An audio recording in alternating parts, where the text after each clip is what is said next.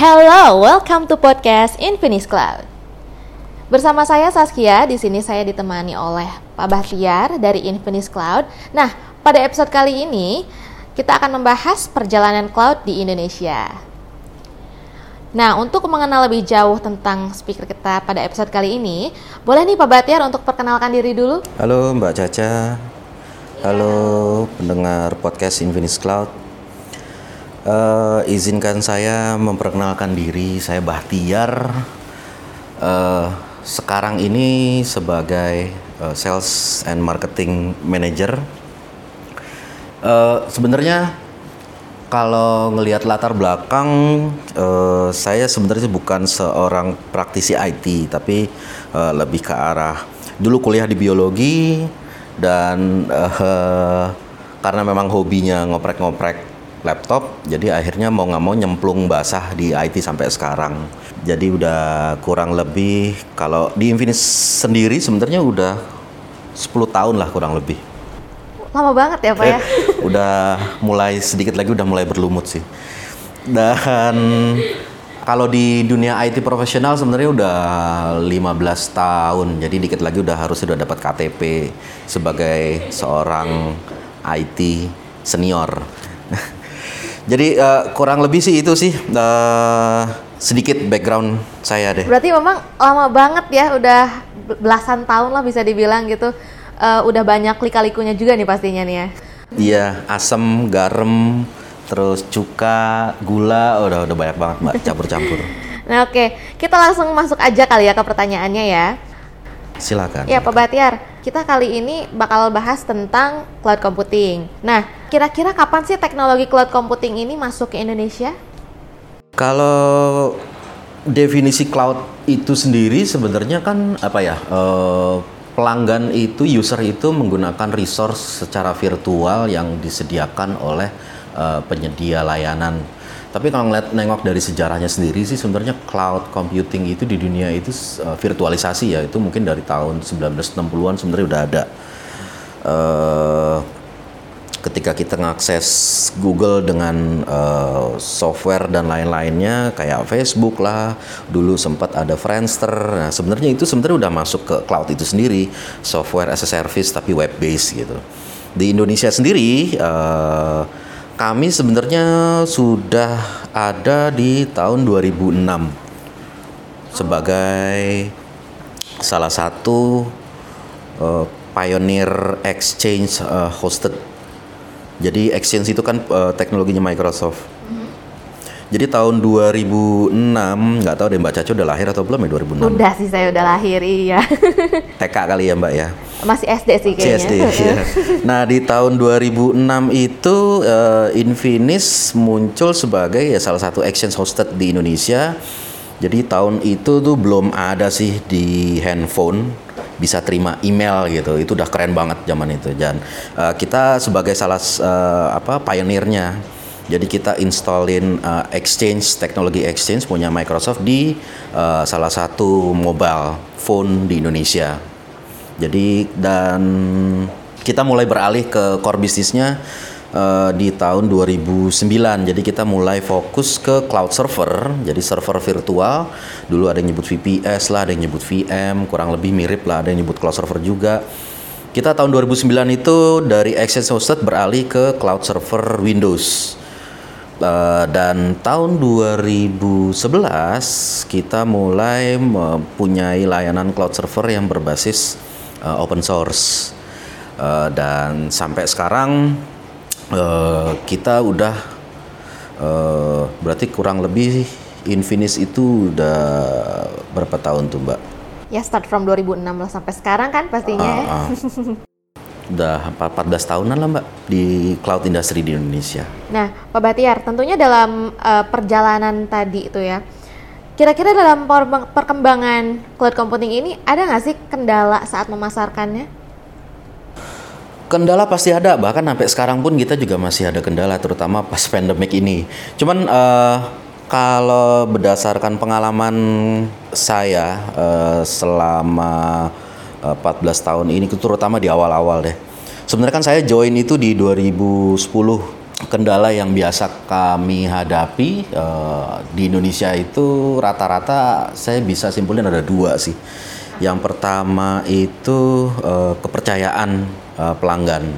Jadi ketika mereka punya data yang mereka anggap itu konfidensial dan ketika mereka mau beralih ke cloud itu kan berarti mindahin datanya yang dulunya ada di server kantor, servernya mereka sendiri dipindahin ke uh, pihak ketiga. Uh, dan kepercayaan itu sebenarnya yang uh, masih cukup jadi challenge. Di awal-awal kita meyakinkan bahwa uh, dari sisi kami uh, punya apa uh, punya skill untuk uh, melakukan teknologi virtualisasi dan independen. Dari sisi security-nya pun juga bisa uh, menjaga keamanan data-datanya mereka. Uh, itu sih sebenarnya yang challenge yang paling utama. Jadi kepercayaan mereka untuk naruh data di tempat kami. Yang kedua adalah koneksi, koneksi internet. Jadi kalau mau pindah ke cloud, syarat utamanya adalah uh, internet, harus ada internet. Yang biasanya kalau servernya mereka ada di kantor, berarti mereka ngaksesnya via lokal, oh, nggak perlu ada akses internet. Dan rata-rata biasanya juga kenceng 100 Mbps. Dan ketika beralih ke cloud, mau nggak mau, datanya mereka ditaruh di sana di cloud dan diakses via internet. Nah, via internet ini sebenarnya yang uh, kalau mungkin kalau di Jawa saat-saat ini mungkin nggak begitu jadi masalah deh, karena dari sisi koneksi udah lumayan mature lah. E, beberapa ISP itu juga udah mulai ada kabel dari ujung barat sampai ujung timur tuh ada. Nah tapi kalau di luar Jawa itu masih jadi masalah bahkan sampai sekarang. Ketika pindah ke cloud itu nggak pakai internet. Nah kalau internetnya bandwidthnya pun juga nggak gede, mau nggak mau pasti juga uh, bakal jadi masalah kalau dari sisi kita kan sebenarnya udah punya bandwidth cukup lebar ya. Jadi dari server fisik kita di data center kita tuh udah kalau saya analogin kita udah punya jalan tol tuh lebarnya mungkin udah eh, satu uh, giga, udah udah lebar. Nah, tinggal tergantung customernya nih mobilnya berapa cc. Kalau mobilnya 1000 cc ya kecepatannya mentoknya sesuai dengan 1000 cc. Cuman kalau customernya punya mobil yang 3500 cc itu akan jauh lebih cepat sih jalanan udah cukup lebar tinggal tergantung si customer speed dari internetnya itu tuh kayak gimana. Berapa cc sih mobilnya buat ke akses ke data center kita. Jadi dua itu sih tadi uh, yang pertama itu kepercayaan datanya uh, dan yang kedua ya lebih ke arah koneksi internetnya. Ya tadi kan sempat disebut juga ya server kantor. Nah apa sih kelebihan cloud dibandingkan server kantor atau on premise yang pasti dari sisi yang paling jelas adalah uh, ini udah udah cukup lama sebenarnya entah masih relevan atau enggak. Cuman dari opex dan capex jadi kalau beli server fisik di kantor uh, itu namanya opex. Uh, sorry capex capital uh, expenditure. Jadi pembelian di awal tuh gede banget. Server itu nggak murah. Uh, anggap deh misalkan mungkin 100 juta sampai 200 juta lah beli server fisik di awal tapi penggunaannya pun juga nggak langsung full, nggak optimal. Jadi ada fase di mana uh, jumlah resource yang besar di awal itu idle, nggak kepake. Tapi bedanya kalau di cloud, uh, yang mereka pakai itu memang sesuai penggunaan. Jadi mirip kayak uh, analoginya mungkin kayak penggunaan pulsa uh, pasca bayar. Jadi bayar itu sesuai penggunaan ketika uh, apa uh, penggunaannya servernya itu di bulan ini ya rendah, bayarnya pasti itu juga rendah. Ketika bulan depan itu penggunaannya tinggi ya bayarnya juga tinggi. Jadi uh, untuk idolnya itu bisa benar-benar minim sekali sih. Jadi pembayarannya itu uh, benar-benar sesuai apa yang digunakan. Pay as you go, pay per use, pay per growth kurang lebih sih gitu. Wah, jadi memang lebih fleksibel juga ya dari segi billing dan juga dari segi penggunaan. Yes. Hmm. Nah, dari kendala-kendala tadi tuh, kira-kira apa sih solusi yang bisa diberikan Infinis kepada calon customernya? Infinis Cloud per 2020 ini sebenarnya udah mulai beralih dari yang sebelumnya subscription based. Jadi kita punya dulu tuh punya paket-paket Uh, dengan masing-masing paket itu ada jumlah resource-nya masing-masing berapa prosesor, berapa RAM, berapa storage. Uh, kita mulai beralih ke solution base. Jadi Infinix Cloud di 2020 ini uh, lebih ke enterprise cloud integrator. Jadi bukan hanya sekedar menawarkan uh, layanan cloud milik kami sendiri yang ada di Indonesia, tapi kami juga mampu mendeliver layanan cloud kelas dunia misalkan dari AWS, dari uh, Microsoft Azure, kemudian Google uh, eh, GCP Google Cloud platform. Itu kita bisa deliver uh, untuk pelanggan enterprise di Indonesia uh, sekaligus juga menawarkan uh, posisi cloud server yang ada di Indonesia milik kami sendiri ke pelanggan. Uh, kenapa solution base? Karena enterprise ini uh, dari pengalaman kami selalu kebutuhannya itu custom. Uh, nggak bisa di uh, per paket per paket fix gitu nggak. Uh, kita ada assessment di awal. Assessment ini sebenarnya buat nemuin hasilnya itu goalnya itu biasanya mereka di awal uh, maunya tuh ABC tapi ketika kita melakukan assessment bareng dengan uh, calon pelanggan goalsnya itu buat nemuin apa yang mereka butuh sebenarnya. Bisa jadi mereka maunya ABC tapi hasilnya nanti yang keluar dari assessment kesepakatan bareng-bareng itu adalah X Y Z. Uh, dari situ yang sebenarnya uh, bakal kita lakuin ke semua calon pelanggan. Jadi ada assessment ketika assessment itu udah keluar kita kasih trial dan trialnya itu pun juga uh, bisa benar-benar sesuai yang nantinya mereka uh, ketika mereka udah selesai trial mau langsung production itu juga bisa langsung gitu. Jadi uh, resultnya mereka benar-benar menggunakan uh, layanan kami di trial itu benar-benar kayak udah mereka production sendiri sih. Gitu. Kalau sekiranya saat kita penggunaan nih Pak Bahtiar ada misalnya trouble atau misalnya kita butuh diskusi tambahan gitu apakah bisa dari pihak Infinis untuk membantu? Tentu bisa banget. Jadi kita selalu punya moto dari dulu adalah support is the king. Jadi kita selalu ketika di Infinix Cloud Anda nggak perlu khawatir, para pelanggan itu nggak perlu khawatir uh, mereka kesulitan terhadap apa pun yang mereka letakkan, apa pun yang mereka deploy di atas uh, layanan kami, uh, mulai dari sisi aplikasi, mulai dari apa pun yang ketika itu sudah deploy di atas environment kami, kami siap bantu ketika kami diberikan akses, kita akan sama-sama ngelihat uh, apa yang sebenarnya terjadi. Jadi kalau saya analogikan sebenarnya kita itu punya satu apartemen bagus, hotel bagus itu host server fisik kami. Kita sebenarnya menyewakan virtual virtual room, virtual server di dalam mereka butuhnya kayak gimana? Sebelumnya kita siapin. Kalau mereka sebenarnya butuh studio ah, ukuran studio kita siapin. Kalau mereka butuhnya ukurannya yang jauh lebih besar bahkan satu lantai full kita juga bisa siapin.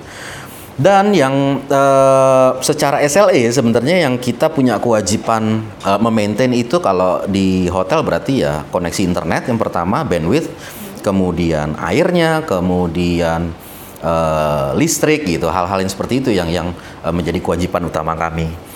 Tapi nggak juga kita punya uh, apa managed service yang cukup deep ketika anda sudah menjadi pelanggan salah satu kamar hotel kami dan TV anda rusak gitu tiba-tiba ya. Kita bersedia membantu untuk ngecek bareng-bareng sebenarnya TV anda rusaknya di sebelah mana gitu sih. Jadi walaupun punya kami punya kewajiban utama uh, terhadap layanan cloud servernya uh, tapi kami juga nggak menutup untuk membantu hal-hal lain yang memang berkaitan dengan layanan kami. Oke. Okay.